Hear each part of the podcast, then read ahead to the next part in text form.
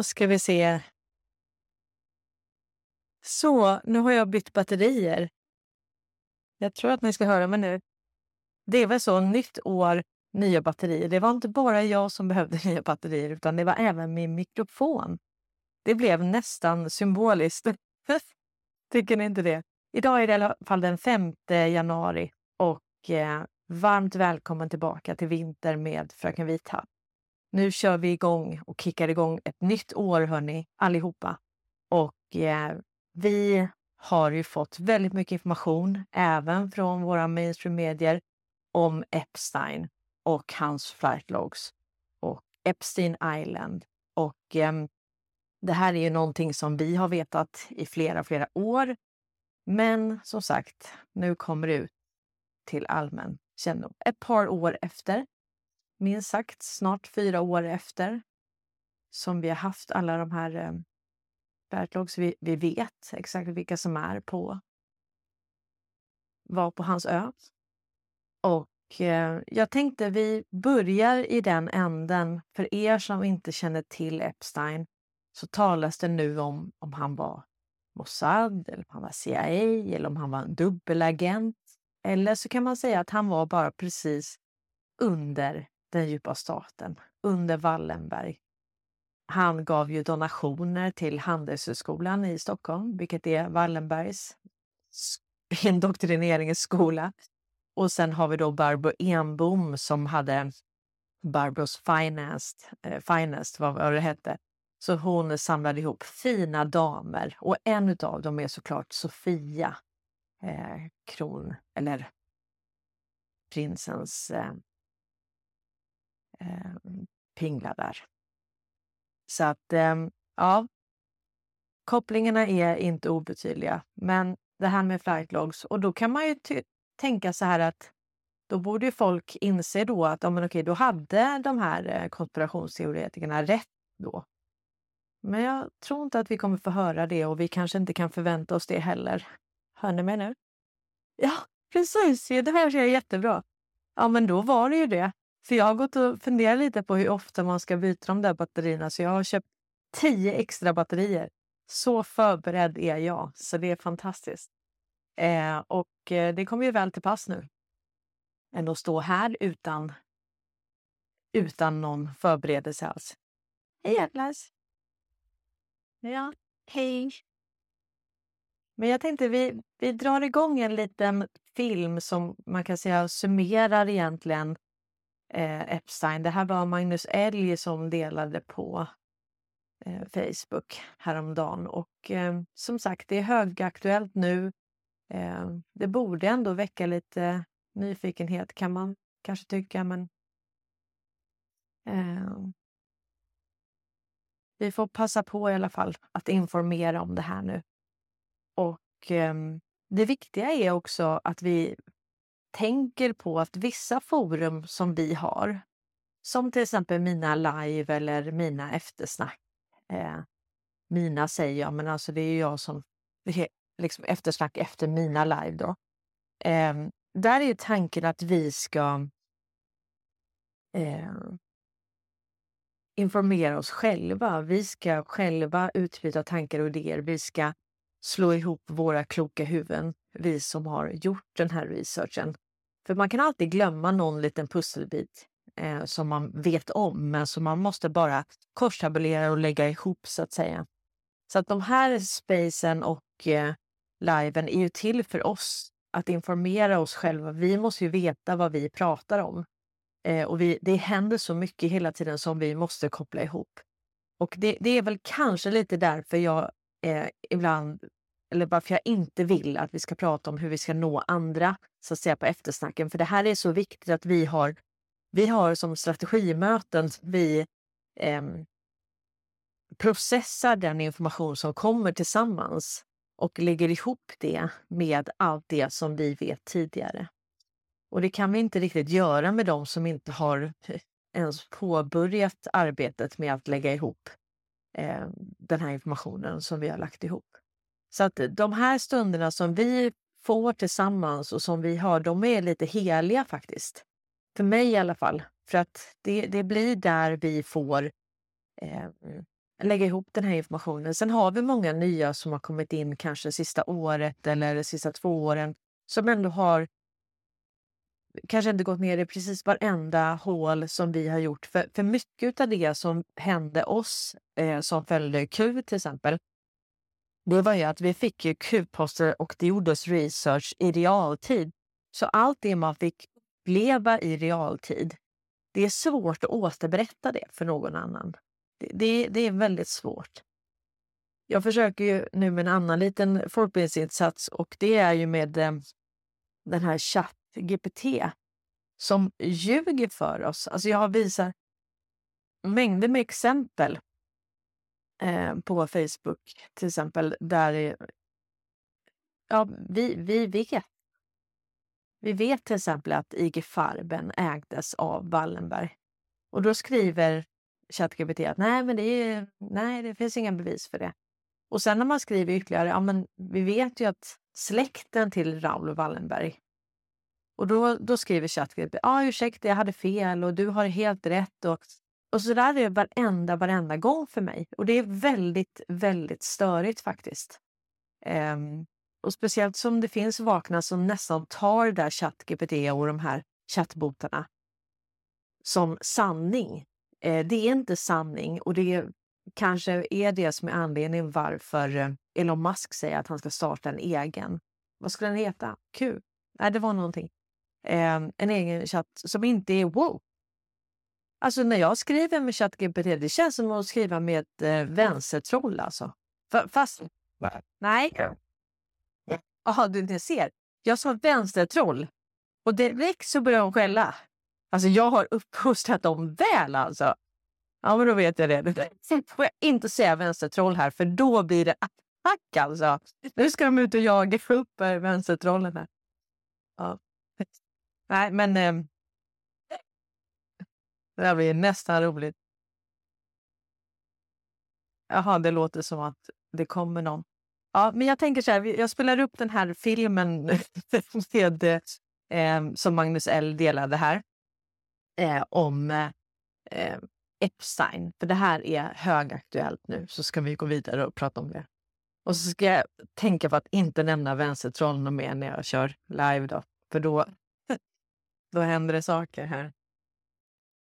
He's accused of recruiting a network of young girls he sexually abused at his mansions in Florida and New York. Law enforcement officials tell NBC News he faces two counts of sex trafficking for alleged crimes. Trafficking underage girls to the private island near St. Thomas. Some even refer to it as Pedophile Island. Authorities say he declared it his primary residence. Sleazy Wall Street tycoon Jeffrey Epstein used the Lolita Express to ferry a bevy of beautiful young women. Among the passengers, former President Bill Clinton and Britain's Prince Andrew. Newly obtained documents show Clinton actually took at least 26 flights on Epstein's private jet. According to NBC News, Jeffrey Epstein has died by suicide in his jail cell. People that blow the whistle on elite pedophiles tend to have accidents and a lot of those people have died mysteriously.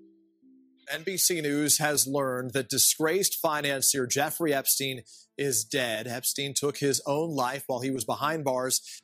Uh, there's absolutely no excuse for this. What happened here to me is mind boggling. The guy was a high risk prisoner, wasn't he? I mean, he, he's a guy that there are probably 50 very important people that have a motive to kill him. We don't even know who they are. It's true. But we know there are some people that are in a lot of trouble because of Epstein. They know who they are. Would you raise your hand, please? Do you solemnly swear the testimony you're about to give in the matter now pending A shocking new report from the New York Times sheds light on the connection between Microsoft founder Bill Gates and the late Jeffrey Epstein. You report these two men met at least six times. Well, I believe it, there were more. This included visits to the mansion, seeing each other in Seattle, flying on Epstein's plane, when flight logs revealed that Gates had been a passenger on the Lolita Express, he claimed that he didn't know that the private jet belonged to Epstein. He also denied that he and Mr. Epstein were involved in any business deals. However, an expose by the New York Times revealed that not only did Bill Gates initiate a relationship with Jeffrey Epstein well after he was convicted of sex crimes, but the two were also involved in the process of co founding a multi billion dollar charitable fund. Why would they ever set up a charitable trust benefiting Jeffrey Epstein? That it was all about philanthropy, that Bill Gates just wanted to find new sources of money. Why would one of the richest men in the world choose to partner with the world's most notorious pedophile? His flight logs contain names of some of the biggest, most famous, and most powerful people on the planet. Members of the royal family, Prince Andrew, models like Naomi Campbell, famous actors like Kevin Spacey, Bill Clinton on those flight logs over 25 times. Hillary Clinton, she's also been to the islands. So the bigger question is how many people that went on his private jet, that went to his private island, that went to his massive ranch in New Mexico were also involved in the rape, torture, and trafficking of children.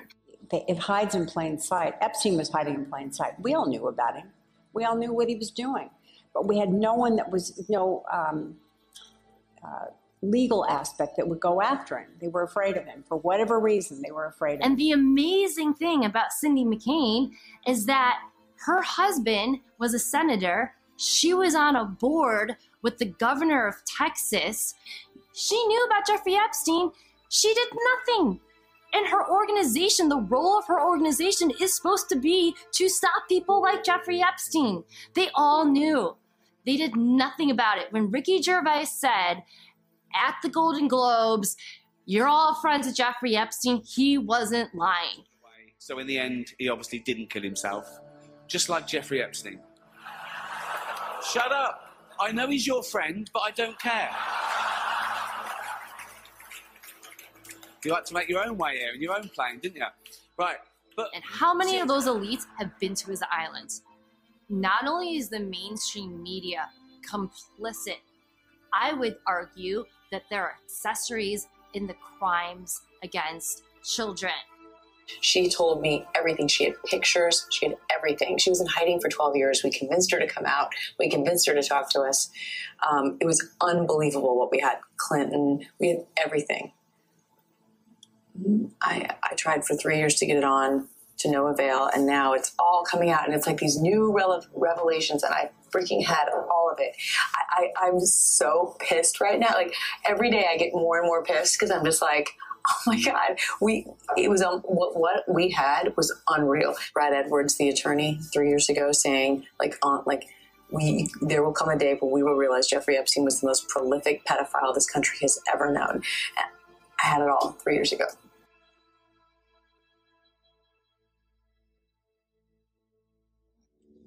Gonna miss the brackets and jackets? Yeah, well, the bracket tolls for the. I'm not suicidal. I'm not suicidal.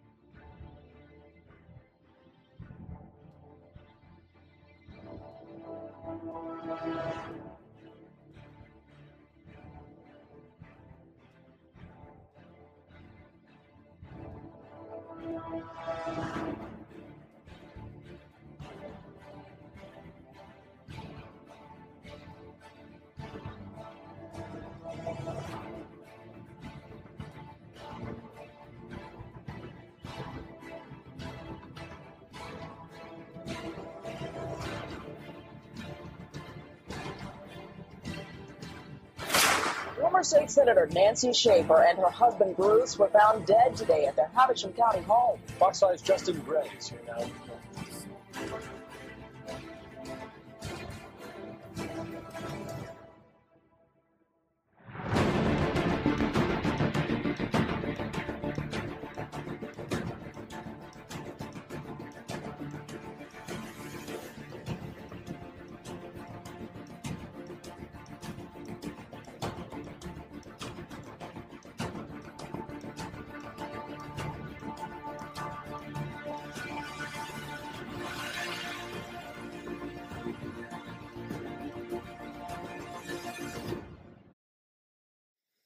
Det är många som har fått sätta livet till när man ser det.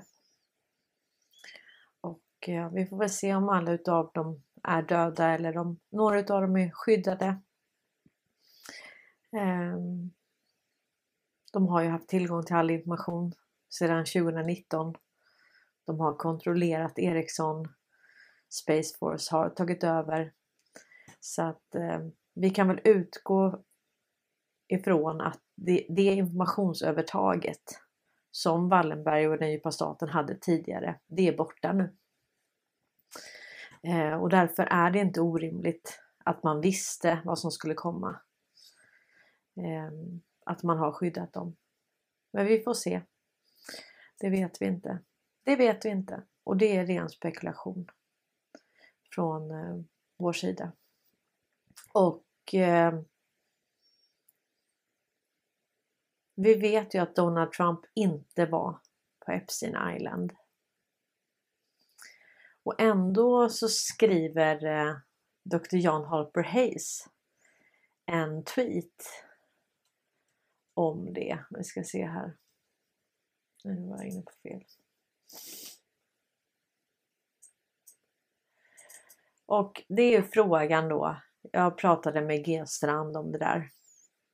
Eh, för då sa jag till henne att hon, hon måste be om ursäkt eh, för det där. För oavsett vad det där är så, så funkar inte det så att säga. Hon, hon måste be om ursäkt. Och det gjorde hon också. Eh, och vi ska titta på hur hennes tweet eh, såg ut här.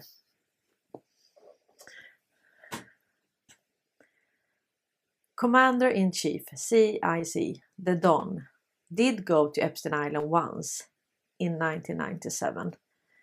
Eh, och eh, då skriver Travis eh, Wagner så här, False, read your own post. Donald Trump flew, flew to West Palm Beach, FL to New, eh, Newmark NG. Och ehm, mm, och då är frågan, kan man i hennes ställning göra den typen av misstag? Jag menar, vi har ju haft den här informationen i flera år. Vi vet att han inte har varit på Epstein Island.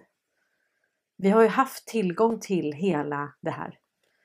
Eh, och det förvånar mig också att eh, någon, jag vet ju inte om det är han eller vem det nu är, men eh, Charlie Ward sa också i en video, men han har ju fake-videos som cirkulerar. Det är väldigt svårt.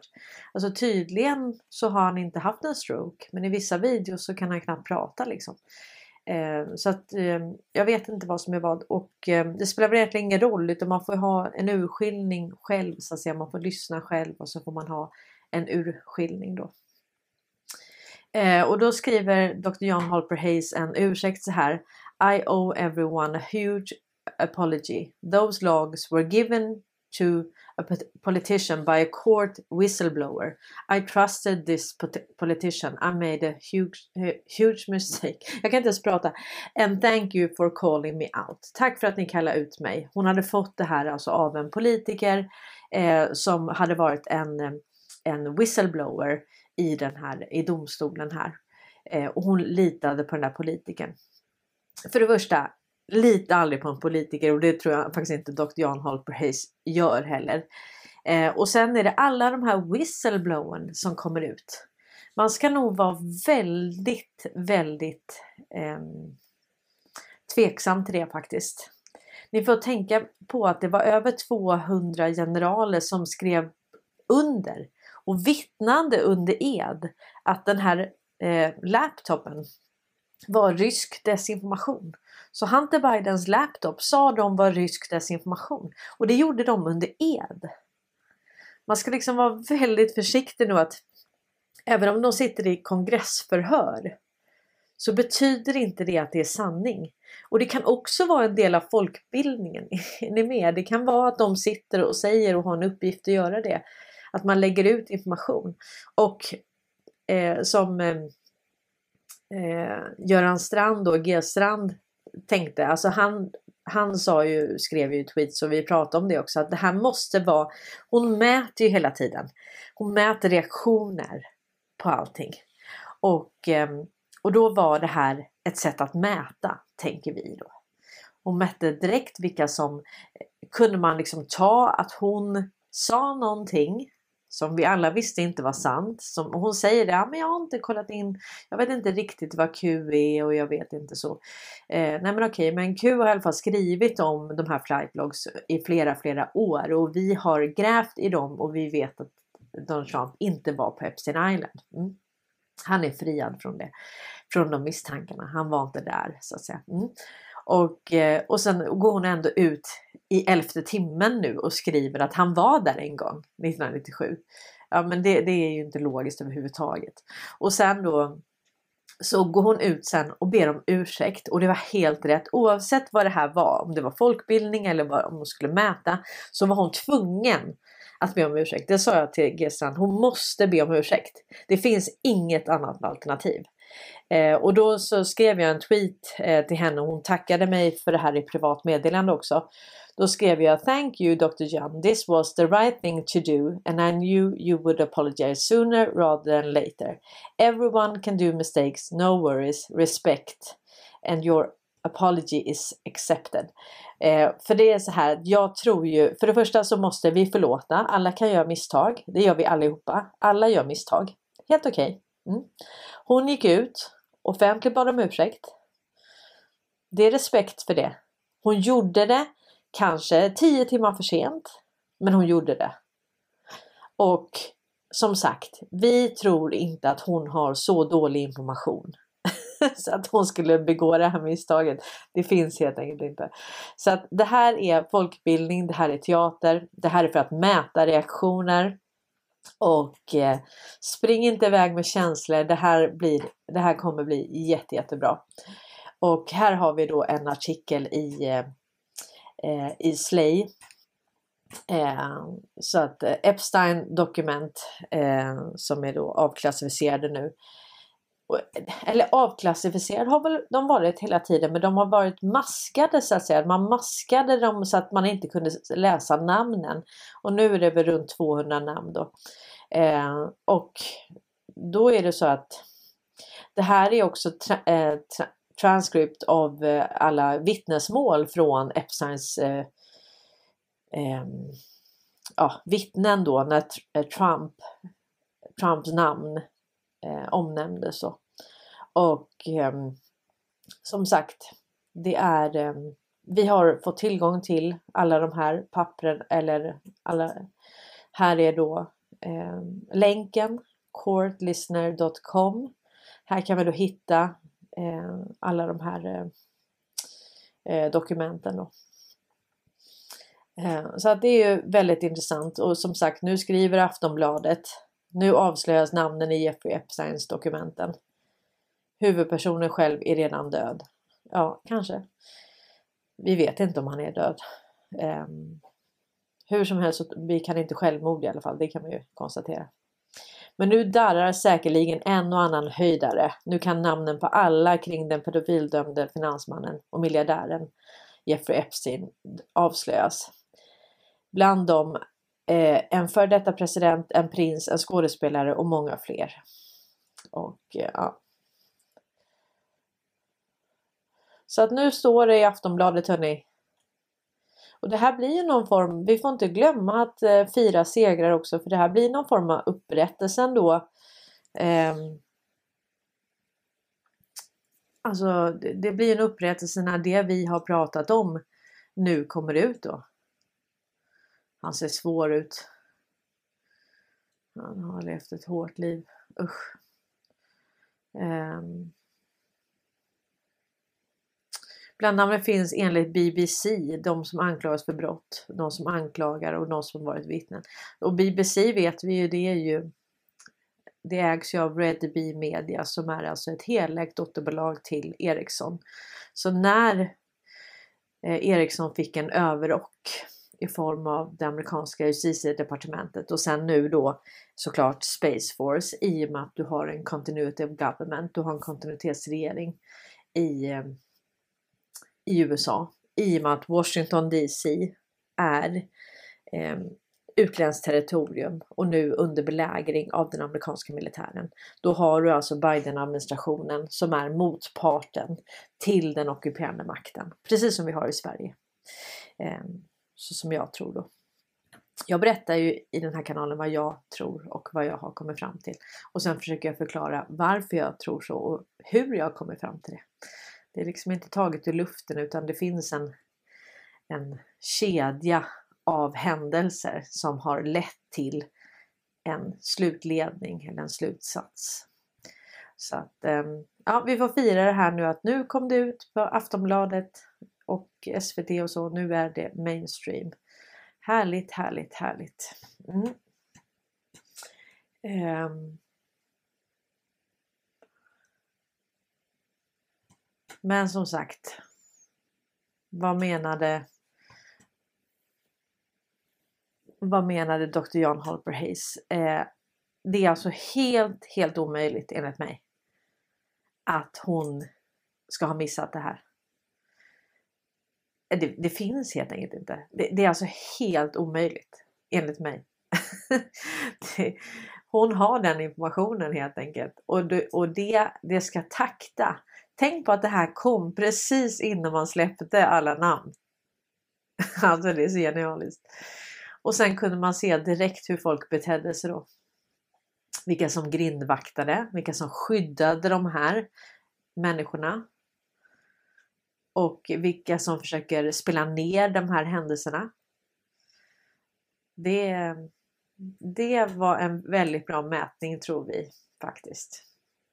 Och vi då menar jag mig och Gerstrand i och med att det var vi som pratade om det. Men vi har väl pratat om det lite allihopa men eh, Eh, nu ska vi se. Och här sitter alltså eh, representanten. Nu ska vi se. Eh, vad heter han nu? James Comer eh, och pratar om Epstein och menar i det här inslaget att han, eh, han var nog en dubbelagent faktiskt. Eh, så bara det bara det att det kommer ut att han är underrättelsetjänst, att det handlar om hållhagsbusiness. Det är stort alltså för att tänk var vi var tidigare. Då tänkte vi kanske att underrättelsetjänsterna Säpo jag menar, tänk att, vi, att det kommer fram att den som hade en sån här pedofilö med kameror och hållhagsbusiness, det, det var Säpo. Det var en Säpo-agent det är det man säger här. Man säger att han är CIA och kanske liksom flera Mossad, alltså MI6. Han, han har flera. Men bara förstå, för att förstå hur, hur sjukt det här är. Jag menar, tidigare hade man förtroende för underrättelsetjänsterna. Alltså det var ju polisernas polis. Det var ju liksom det som skulle skydda landet. Så bara det är ju stort att det här kom fram att ja, men okej, han var, han var underrättelsetjänst. Han var CIA, han var Mossad, han var MI6. Han var Säpo. han kanske var Säpo också. Fyrdubbelagent. Han kanske var alla agenter. Ja, Epstein kanske var Säpo. Det kanske var därför han var i Stockholm på Handelshögskolan med Barbro Enbom och Sofia och allt det här. Ja. Nej, Nej det vet vi inte. Det vet vi inte. Men eh, vi ska lyssna på vad representant James Comer för eh, Republikanerna i Kentucky säger här.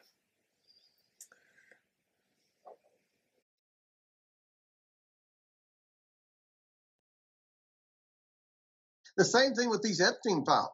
Who all knows from within the government uh, who's on this list, and and were they in in some way, shape, or form compromised? by government agencies or or Epstein or, or whomever. Was mm. Epstein mm. a double agent for another country? There are lots of questions mm. pertaining to national point. security. These yeah, names are politicians. Didn't even think of that. You know, Epstein could have been uh, you know a, a, a foreign agent for another for for a country and may have been himself getting these these high profile people in trouble and using that to, to blackmail them.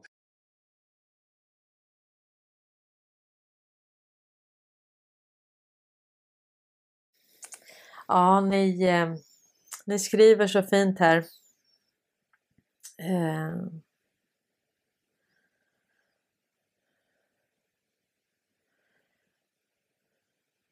Alltså, väldigt många blev ju upprörda. Ni, ni skriver om Dr. Jan Holper Hayes. Eh, och grejen är så här att jag retweetade Santa Surfings jag, eh, flera negativa mot Dr. John Holper Hayes retweetade jag för att vi kan liksom inte göra någonting annat. Även om det är en del av folkbildningen så har vi inga lojaliteter. Vi har inga lojaliteter alls. Så även om det kan vara en del av folkbildningen, liksom Greta, om man tar ett annat exempel. Hon är en del av folkbildningen. Hon är med största sannolikhet konstruerad av den konstellation som motverkar den djupa staten för att exponera det här. Men det innebär inte att vi inte ska exponera henne. Vi måste exponera henne. Och är det nu så att Dr. John Holper Hayes skulle byta roll i det här på något vis eh, så är det så här, vi har inga lojaliteter annat än sanningen. Och då, är det, då måste vi kalla ut henne. Vi måste kalla ut en lögn. Vi har inga lojaliteter. Oavsett vem som ljuger. Om Trump skulle ljuga så kallar vi ut Trump. Vi kallar ut alla som ljuger. Och om vi, om vi nu säger att vi inte hade kallat ut henne och hon ber om ursäkt. Hon ber om ursäkt, vilket hon gjorde, för att hon eh, hade fel. Okej, okay, hon hade ljugit. Hon erkände det. Hon bad om ursäkt för det. Och jag såg att hon ljög och jag kallade inte ut henne. Då är jag ingen sanningsbärare. Jag kan inte ha en lojalitet med en människa. Jag kan inte skydda en människa oavsett vem det är. Oavsett om det är General Flynn eller Trump eller eh, Putin eller Dr. John Holper Hayes eller eh, eh, G-strand. Eller Karl Norberg. Jag måste ha min lojalitet till sanningen. För att Anna, som nu då, när hon då ber om ursäkt, vilket jag visste att hon skulle göra, för att det fanns inget annat sätt för henne att göra det. Det var enda alternativet som fanns på bordet. Och jag då inte hade kallat ut henne. Då är jag falsk. Då är jag falsk. Jag kan inte ha någon lojalitet. Alltså jag är inte allierad med någon annat än sanningen. Utifrån den information jag har. Och den information som jag hade om Trump och Epstein var att han inte hade varit på Epstein Island. Det visste jag. Dr. John Holper Hayes säger att han hade varit det. Då kallar jag ut henne.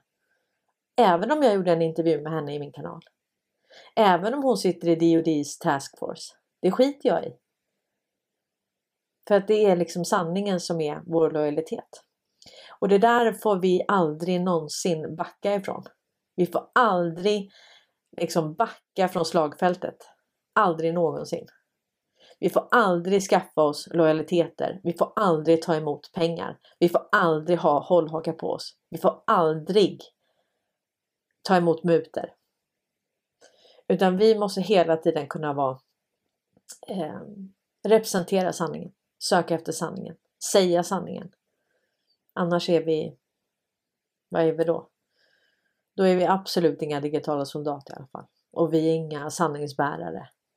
Och vi är inga undersökande journalister. Vi är, vi är ingenting då. Då är vi bara egennyttiga, ryggradslösa ynkryggar faktiskt. Och det vill vi ju inte vara. Det verkar inget bra.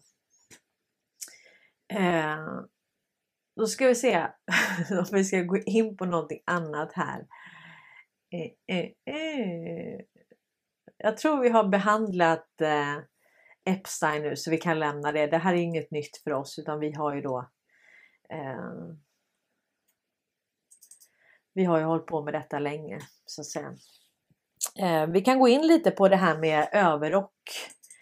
Överrocksproblematiken. Jag, jag var ju eh, jag var ju sån eh, analytiker och bolagsbevakare för Aktiespararna. Så att jag var ju på bolagsstämmer eh, och pratade, eh, rep eh, representerade de mindre aktieägarnas intressen.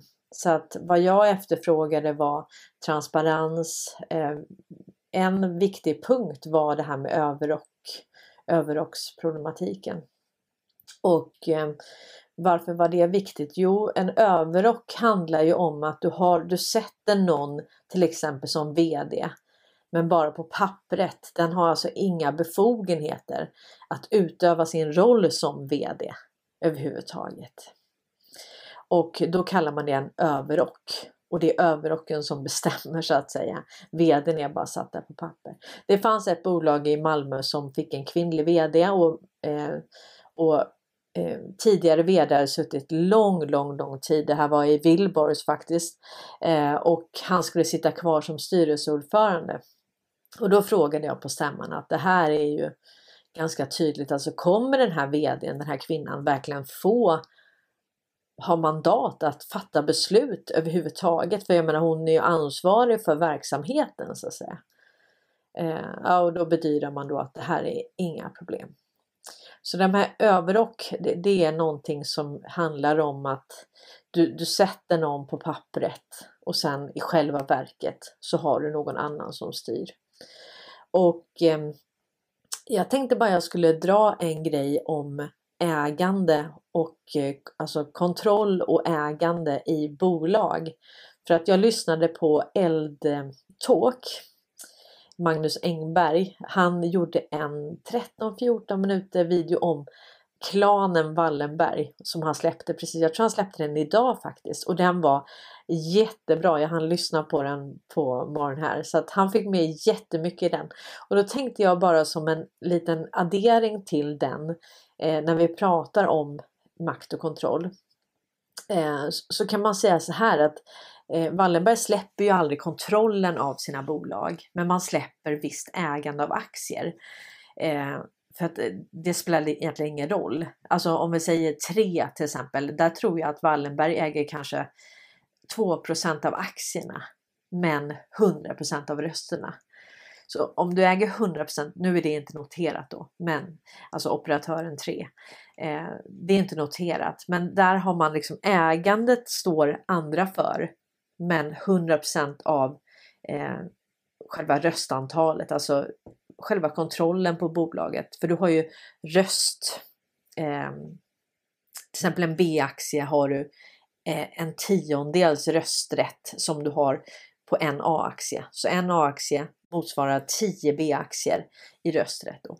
Och i 3 så äger, kontrollerar eller äger då Wallenberg 100% av rösterna. Så man, man, kontrollerar fortfarande bolaget. Sen kan man göra det här på olika sätt med preferensaktier. Eh, det finns många sätt att dölja kontroll så att säga. Men ägandet, det finns ju en poäng med att sprida ägandet. För ni får tänka på när man går till börsen med ett bolag så säljer man ut, säg att man säljer ut 50% av aktierna till marknaden. Och då köper de aktierna av bolaget. Är ni med? Så varje gång man gör en emission också så ger bolaget ut aktier och så får de in kapital när man köper, äh, köper de här aktierna. Så ett sätt att finansiera och förflytta kapital från marknaden till sig själva är ju att ge ut aktier. Och det här har Wallenberg kommit på för att det här är ett väldigt finurligt sätt att förflytta Flytta pengar från marknaden, från privatpersoner, från stiftelser, från fondbolag, från pensionsbolag, eh, från staten till sig själva är genom att ge ut aktier. Så att det är väl självklart att de ger ut aktier och sen gör de emission på det. Då får de in nytt fräscht kapital hela tiden, men de förlorar aldrig kontrollen på bolaget. Och sen kan de när som helst, i och med att de har pengarna, så kan de när som helst lösa det här. De kan avnotera sitt bolag, tvångsinlösa alla aktier. Det kan man alltså göra och det har skett. ICA avnoteras, det är många bolag nu som avnoteras från marknaden. Och det är lite så, ni vet, som att ta ett lån på ett hus.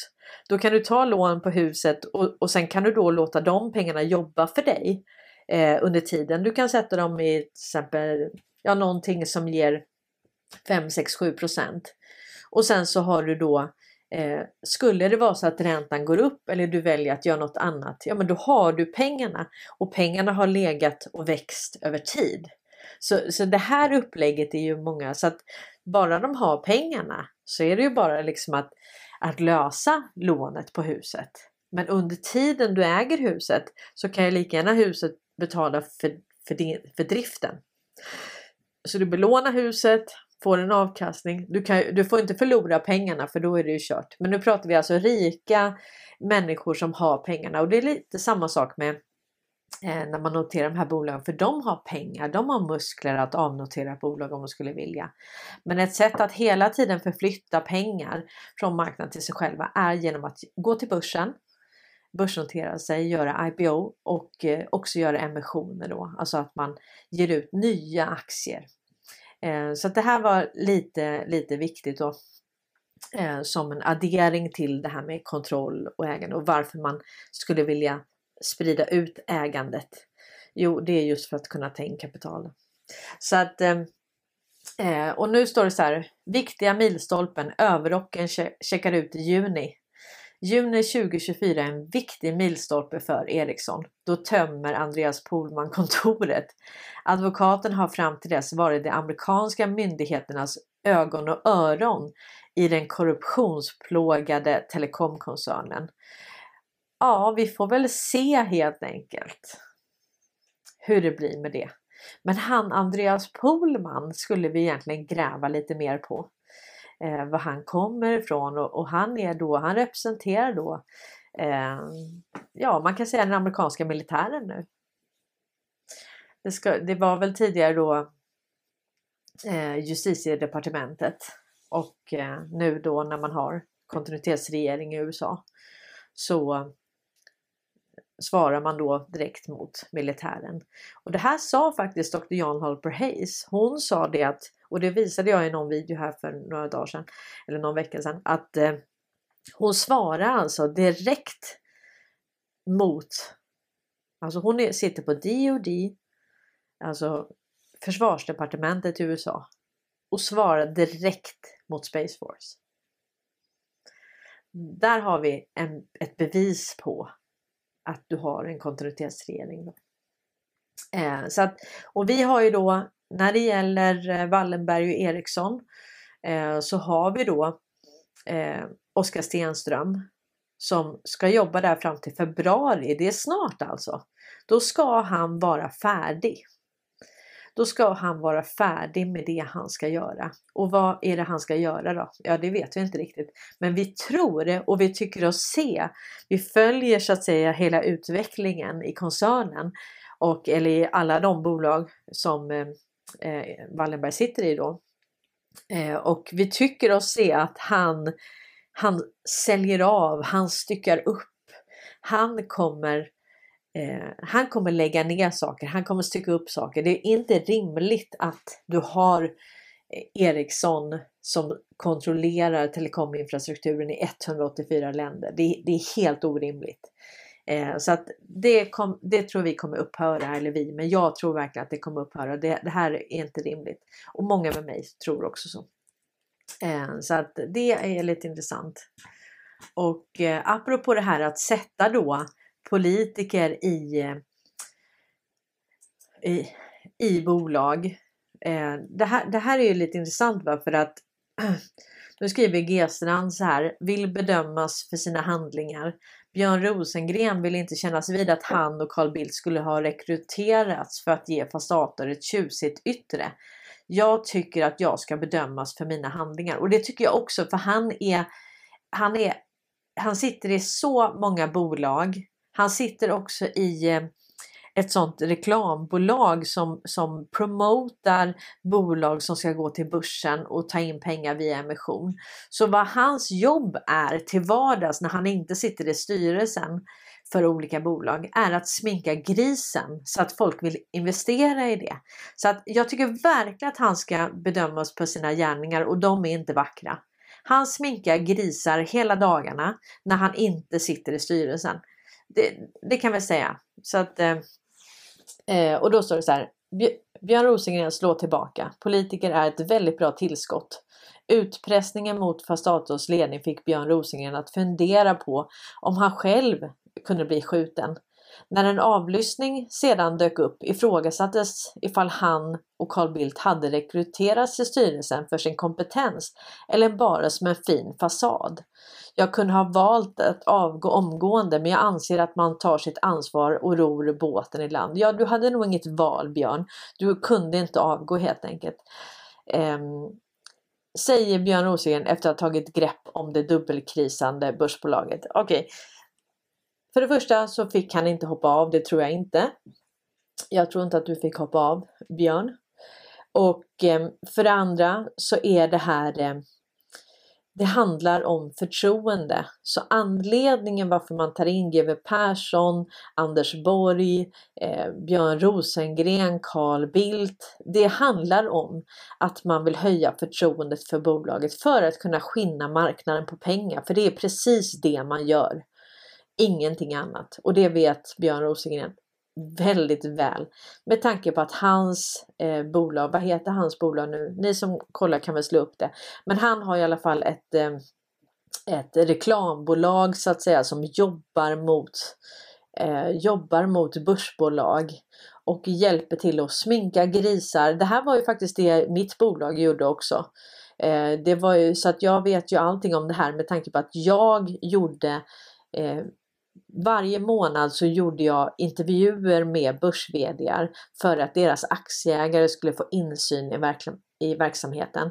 Och det syftet med det var ju att jag skulle eh, hjälpa bolaget att skapa relation till sina aktieägare och bygga eh, förtroende mellan bolaget och aktieägarna. Så aktieägarna fick vara med på en resa.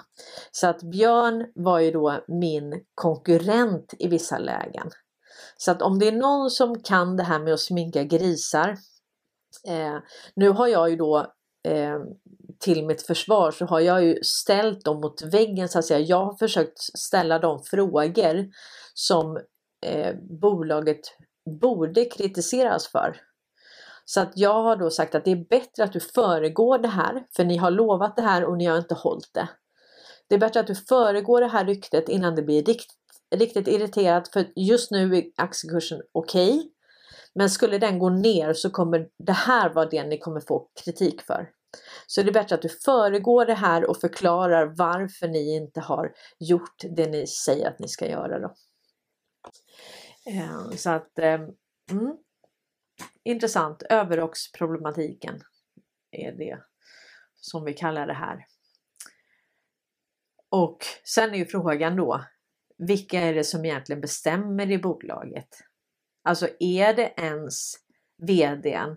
Alltså vilka, för att när vi pratar om Wallenberg så säger de att ah, vi har personer i den styrelsen, vi har personer från oss i den styrelsen.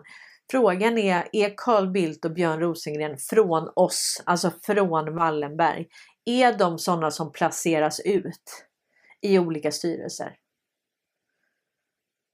Det är en öppen fråga. Det vet jag inte. Men det är inte orimligt. Mm. Spännande. Och sen tänkte jag vi skulle gå in lite på det här med, eh, eh med Korea. Eh, och eh, vi ska se.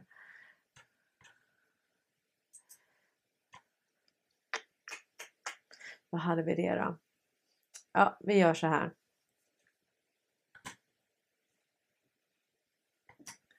Jag ska bara se vad ni skriver här.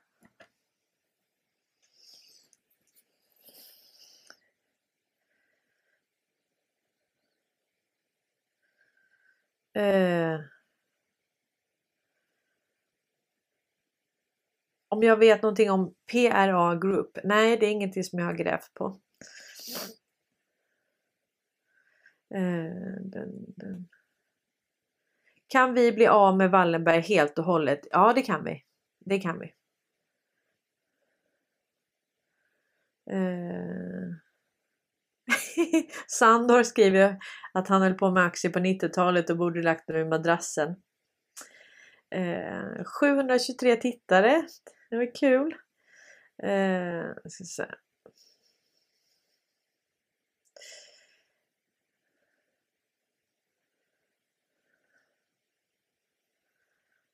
Mm.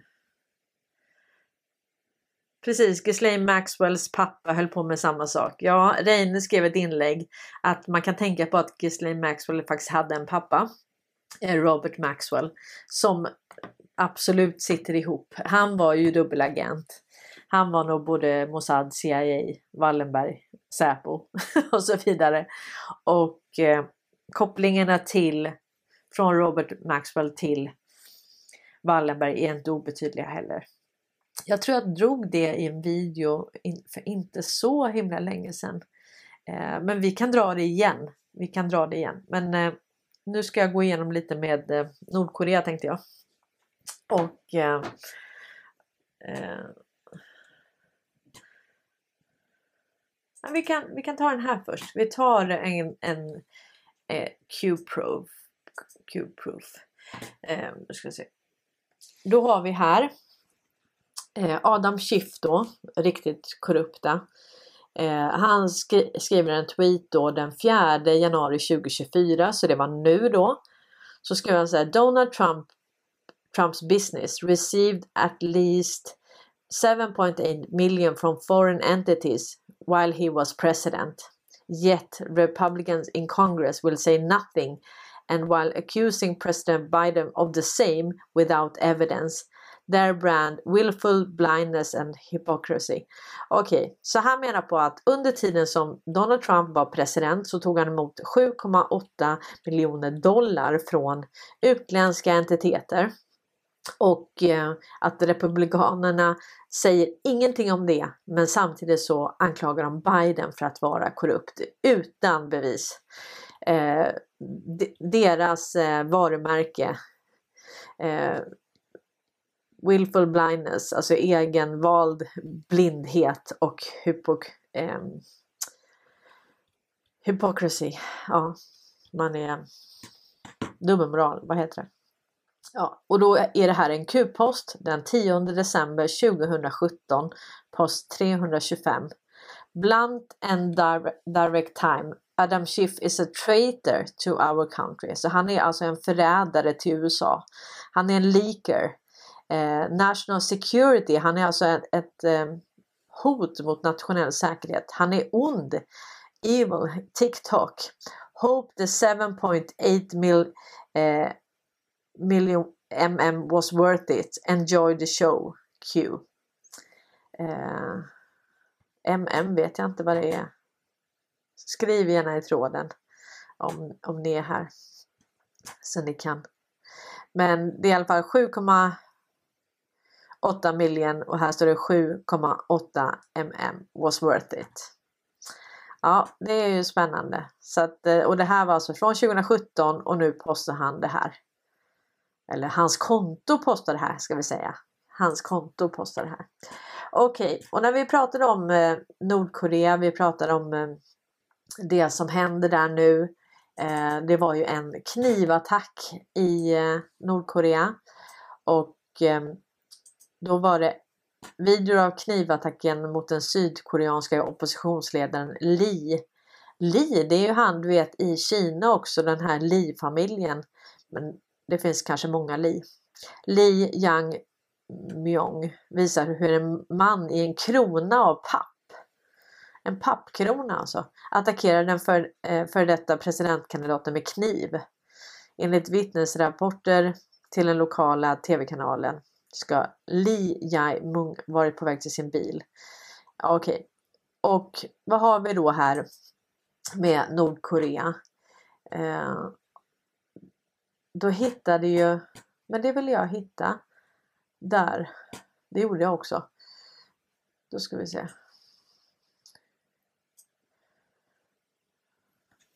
Ja, ni ser här. Då skriver eh, G-strand så här. I en krona av papp i Pusan. Knivattacken mot den sydkoreanska oppositionsledaren. Och då har han hittat här från eh, eh, svenska fältsjukhus grupperades in till ett redan existerande sjukhus i staden Pusan längst söderut på Koreahalvön. Insatsen led, skedde i svenska Röda Korsets regi. Och det här var eh, riktigt intressant faktiskt. Det här är då fredsarkivet, konflikt blir historia. Koreaambulansen där hela Sverige är representerat. Och det här var ju väldigt intressant för det här var alltså 1950 så begär Sydkorea militär hjälp från FN. Den militära stödinsatsen kommer att ledas av USA och de skandinaviska länderna var bland de första att ansluta sig till insatsen. Eh, här var de då i Pusan så att det var här den här attacken skedde med eh, han med pappkrona. Eh, svenska fältsjukhuset grupperas in till ett redan existerande sjukhus i staden Pusan längst söderut på Koreahalvön. Insatsen skedde i Svenska Röda Korsets regi men med utrustning och bemanning utöver sjukvårdspersonalen genom Försvarsmakten. Så vi hade alltså svenska Försvarsmakten på plats 1950 i Korea. Okej. Okay. Aha. Men, aha. Detta upplägg påminner om hur svenska Sverige organiserat insatserna med vita bussarna under slutet av andra världskriget. Insatsen i Pusan pågick fram till stilleståndsavtalet 27 juli 1953. De svenska resurserna flyttade då, flyttades då till Sydkoreas huvudstad Seoul och övergick till att utbilda sydkoreansk sjukvårdspersonal. Den svenska insatsen i Korea avslutades 1957. Men alltså vi hade alltså svenska militären här nere, Försvarsmakten. Okej. Okay. Eh, fältsjukhuset eller Koreaambulansen som det kom att kallas var en uppmärksammad insats när den inleddes 1950. Expressen eh, tryckte ett mittuppslag när personalen var på väg ut. Det var sjuksköterskor från Linköping, läkare från Stockholm, apoteksbiträden från Säffle, Säffle och en oändlig massa sjukvårdare från landets alla hörn. Landets alla hörn.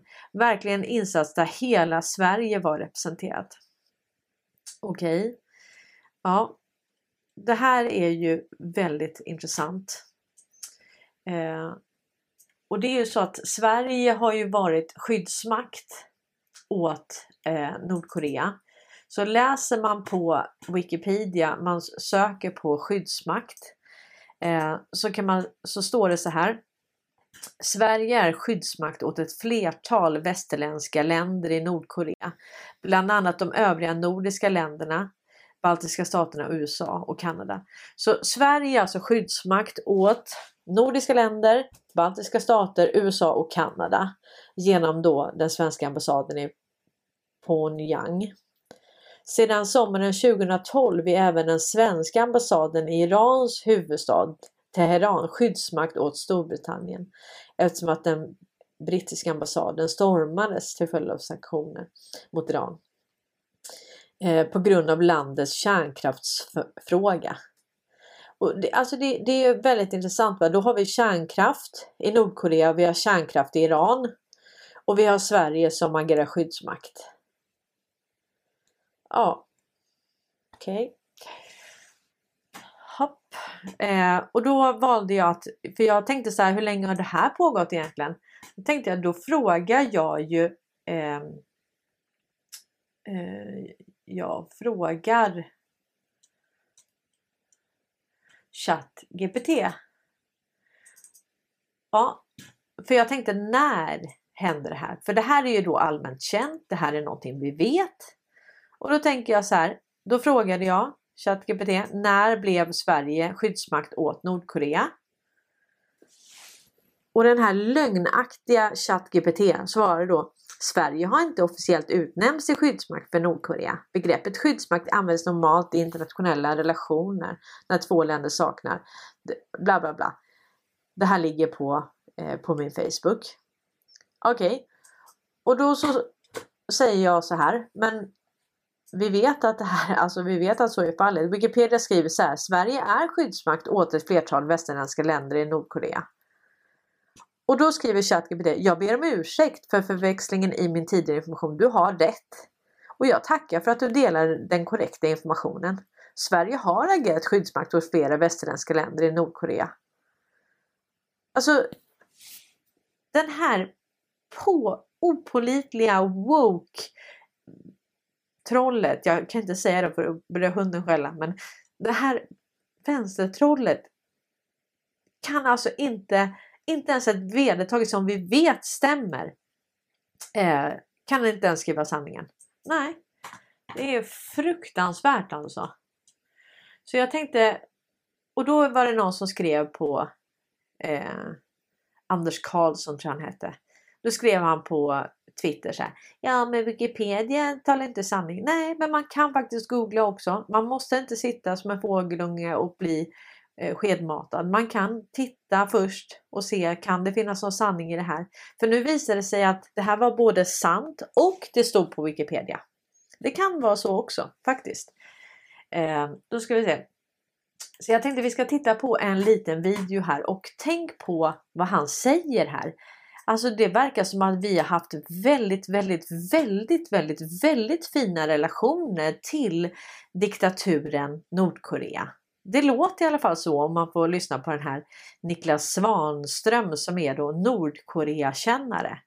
Och han menar på att vi, vi har en fin, fin, fin, fin relation faktiskt. Verkligen.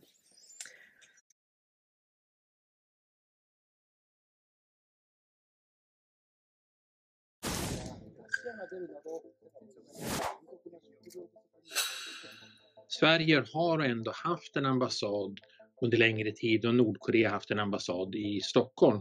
Vilket gör då att ändå att Sverige har haft ett inflytande i Nordkorea. Det fungerar absolut inte på samma sätt som andra diplomatiska relationer. Och det är därför många stater väljer att inte ha diplomatiska relationer. Just därför Nordkorea är en problematisk stat. Sverige har ju varit väldigt, väldigt kritiskt till mycket av det Nordkorea har gjort. Men trots den kritik som Sverige har fört fram så har man ändå lyckats då diplomatiskt att bibehålla en, en arbetsrelation med Nordkorea. Och där Nordkorea är ändå tacksamma över att vi har bibehållit relationen, vi har haft en eh, någon form av diplomatisk kontakt trots att det har varit väldigt svåra tider.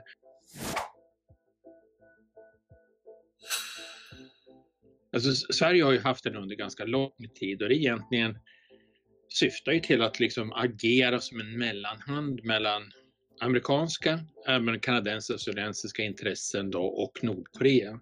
Och det är ju framförallt om medborgare eh, råkar illa ut eller annan då diplomatisk service måste till. Sverige har agerat fler, flertalet gånger där man har då jobbat för att få loss folk men även att skapat dialoger mellan Nordkorea och USA.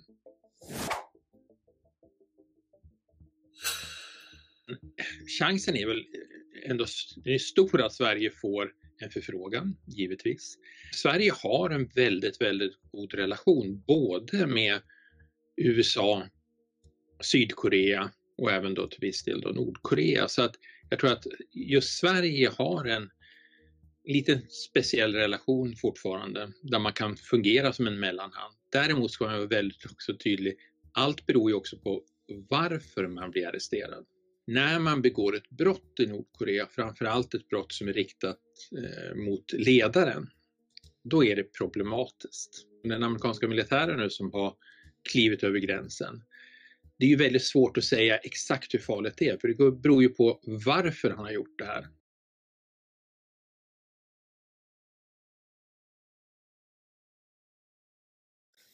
Ja, så ja, ni hör ju själva. Det var fin, fin, fina relationer. Och vi verkar ha det med eh, kärnvapenländer. Det verkar vi ha faktiskt. Så det verkar inte vara några fel på våra eh,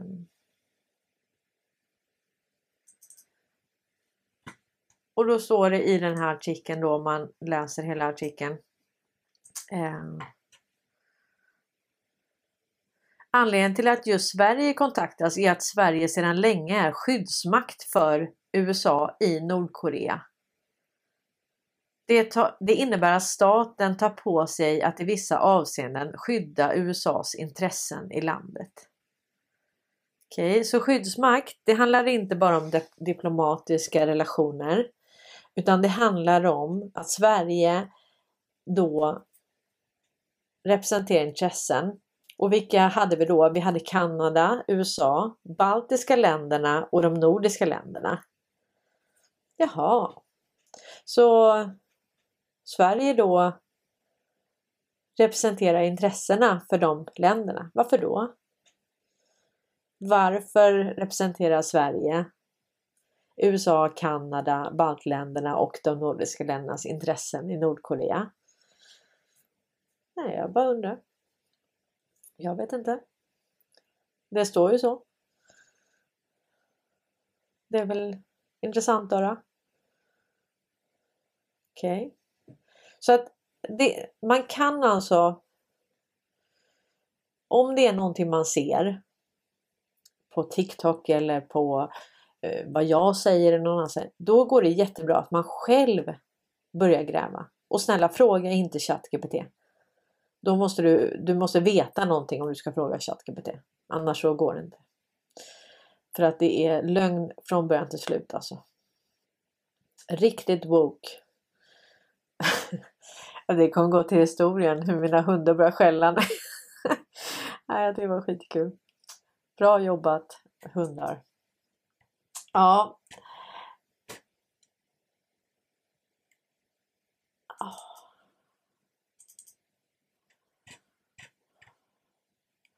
Vad har vi mer då?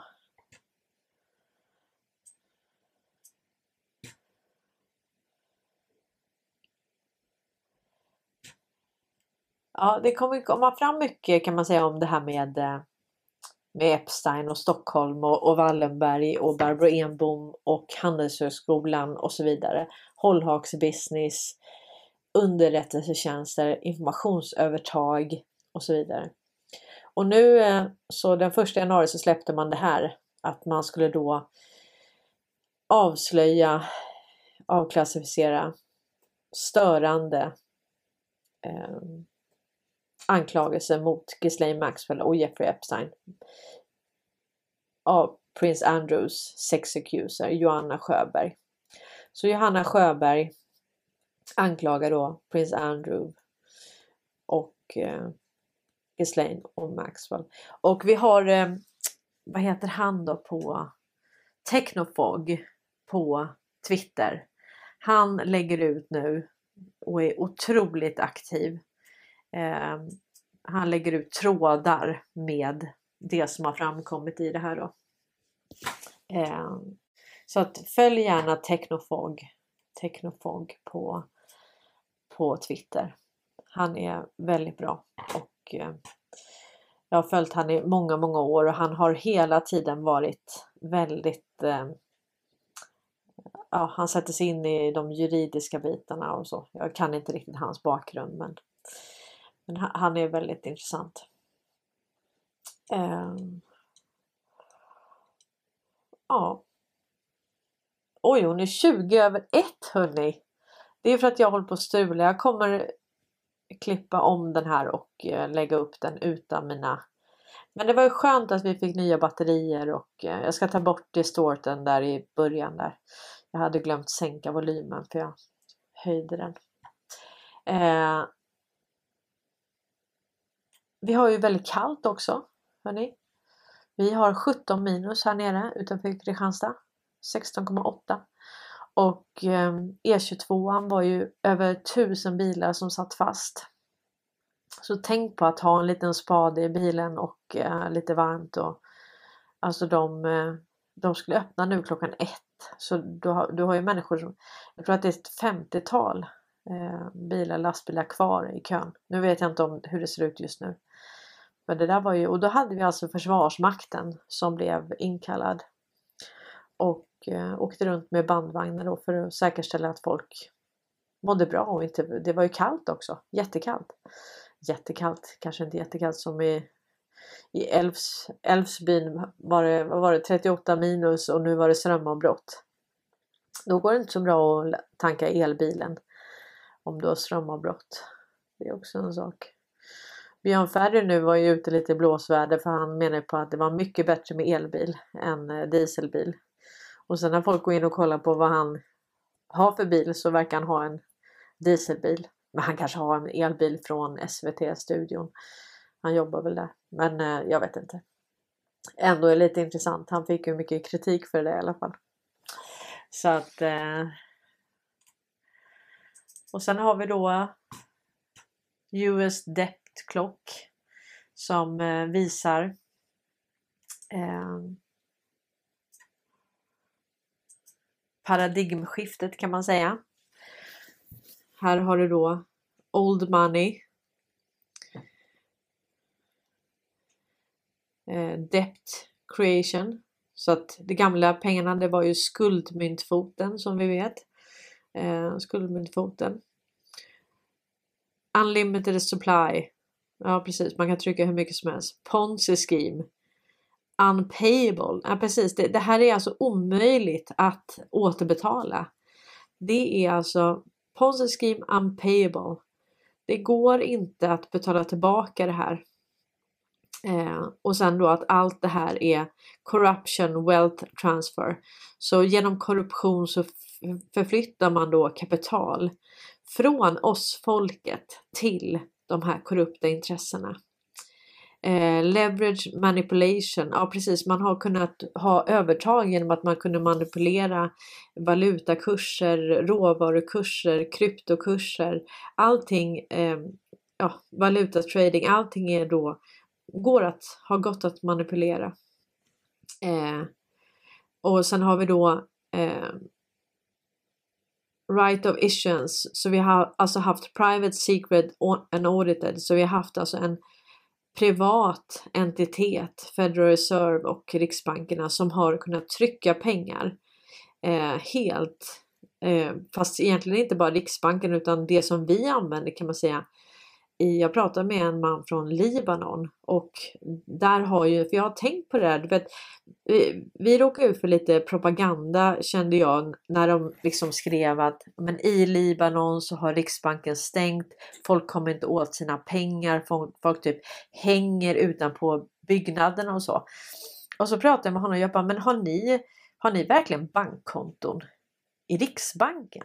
Han bara nej, Nej, nej, vi har alltså det i privata banker. Jag bara, jag bara, men då har ni precis samma system som vi har. Varför skulle ni då klänga på, på bank, eh, alltså Riksbankens dörr liksom, eller fönster? Det, det, är inte ens logiskt om det är inte de som, det är inte där ni har bankkonton. Nej precis, så att eh, det, det var också sån propaganda och jag vet inte när jag såg den var några år sedan och, och då ville man få det till att och de kommer då sina pengar men det är, det är inte Riksbanken. Alltså centralbanken, det är inte där folket i Libanon har sina pengar överhuvudtaget. Mm. Nej. Eh, och sen är det då designed to lose value, så det är liksom skapat för att minska i värde. Eh, och sen så kan man då trycka hur mycket som helst. Så det här var då skuldmyntfoten. Och sen har vi då det nya systemet som är eh, inherent verifiable limited supply anonymous. Okej, okay. så vad vi har här är alltså, alltså vi har ett decentraliserat finansiellt system. Vi har en begränsad tillgång av pengar eh, och det är alltså oförändrat i värde och det är verifierbart så att vi kan inte Eh, allting blir spårbart. Så här har vi då US Treasury Certificate Debt Free Currency. Eh, så att det är det vi kommer få. Det här är stor skillnad på det här. Och jag har lagt upp på cornelianfilter.com en uppdaterad version där jag la till det här med eh, nu hann jag inte ens gå igenom allting jag skulle om jag skulle gå igenom om kvantdatorer och vi har ju fått en bekräftelse nu på att eh, att det är att BRICS använder kvantdatorer, alltså BRICS är QFS. Och det är också, det visste vi ju, jag har ju använt sunt förnuft. Vi vet hur långt fram eh, Kina, Ryssland, USA, Wallenberg såklart Sverige ligger i det här med kvantdatorer. Så att, att IBM nu skulle komma före eh, alltså de här pri privata, alltså Försvarsmakten eller den djupa staten eller så, att, att du har ett kommersiellt företag som skulle ligga före i utvecklingen, det är helt orimligt. Eh, vi har fått reda på att när det blir officiellt, då, då ligger alltså då ligger privat sektor eller djupa staten eller liksom försvarsmakten militärt. Det ligger 30 år före kommersiell privat sektor. Så att eh, när vi vet om det kan man säga, då har man använt det länge, länge, länge. Och då visar man upp det istället för, för att vi, det är på eh, folkbildning helt enkelt. Så här var en ny bild som kom då. Old, King, Old Kingdom Debt, skuld, serfdom, wealth, freedom. Eh, så att det är New Kingdom, with the people och Old Kingdom. Så det här är folkbildning helt enkelt. För att lära amerikanerna och världen att vi har haft skuldmyntfot. Att pengar har skapat genom, genom skuld. Men jag kan säga att amerikanerna är inte där än. De är inte helt med på hur pengar skapas. De tror fortfarande att det skapas av Riksbanken. Man lånar ut det till privata banker som lånar ut det upp till tio gånger i sin tur. De är alltså kvar i att det fungerar på det viset och det fungerar inte på det viset. Så att vi har ett, ett stort arbete framför oss att faktiskt förklara det här, hur det här egentligen fungerar. Eh, ja, vi får väl göra så att eh, vi får helt enkelt ta det här med eh, eh, vi får ta det här med eh, kvantdatorer och det nästa gång. På söndag nu så kör jag med G-strand, Göran Strand klockan 19.30. Då är ni varmt välkomna. Jag tackar så mycket för 2023. Vi rivstartar det här året med lite tekniska svårigheter men vi har ett helt fantastiskt år framför oss nu. Och nu kommer det som vi har sagt, det kommer bevisas steg för steg för steg. Och vi har ett stort arbete att eh, vidarebefordra den här informationen i ödmjukhet. Vi är snälla mot våra vänner. Vi är tuffa och hårda mot våra fiender och jag kan säga att Trumps strategi som han har haft hela tiden där han, eh, ja, men han ger nickname till sina fiender, han, han synliggör det, han, han hånar dem och så. Många har blivit väldigt irriterade och tyckt att ja, men han kan väl ha en lite finare, liksom, han måste väl inte hålla på, han måste inte... Nej men vi kan inte veta det. Det där har varit väldigt effektivt att väcka människor. Och väldigt många har blivit kränkta, lättstötta, irriterade, tyckt att han ska vara lite mer liksom eh, politiskt korrekt. Men det har ju han aldrig varit. Det liksom ligger inte för honom. Och sen när folk väl inser att han hade rätt, ja då tycker man att det där, han är ju faktiskt bara så mot våra fiender. Så man vill ju ha Trump på sin sida så att säga. Så att jag, det där ligger för mig också. Så jag har haft samma jargong kan man säga som jag haft mot tidigare kollegor i finansbranschen och så. Ja, men lite tuffare jargong. Så jag har hållit den. För, för mig har den passat väldigt väl och jag vet att vissa tycker att jag skulle vara mer poliskorrekt och så. Men eh, samtidigt så är det så och väldigt, jag förlorar mycket på det. Väldigt många blir eh, lättkränkta, stötta, irriterade eh, och så. Men sen tänker jag att till slut så kommer det ändå vara sanningen som man vill och då får man stå ut med det vi som är vänner här och verkligen sanningssökare, vi är ju snälla mot varandra och hjälper varandra verkligen. Men när du får in sådana rena troll som går in och bara ska attackera och ifrågasätta och inte kan ens googla någonting själv, då blir man väldigt irriterad. Och sen ser man liksom, det är samma mönster hela tiden, så man blir lite luttrad också. Man, man pallar inte riktigt med det där. Eh, så att jag har valt den strategin. Rätt eller fel, för mig har den passat väldigt väl och eh, jag tror att jag har vunnit mer än vad jag förlorat och det ser vi egentligen när det här är klart. Jag vet att många har varit irriterade på mig och sen har de kommit tillbaka efter kanske ett år och så. Så att eh, vi är de vi är helt enkelt och vi får respektera varandra för det. Eh, vi har olika bakgrund och eh, har liksom olika syn på, jag har äldre brorsor, jag har jobbat i finansbranschen, jag har en annan jargong kanske än vad man har eh, i vissa andra med viss annan upp, uppväxt så att säga. Men hörni, stort, stort tack för idag och vi ses på söndag igen klockan 19.30 om ni vill.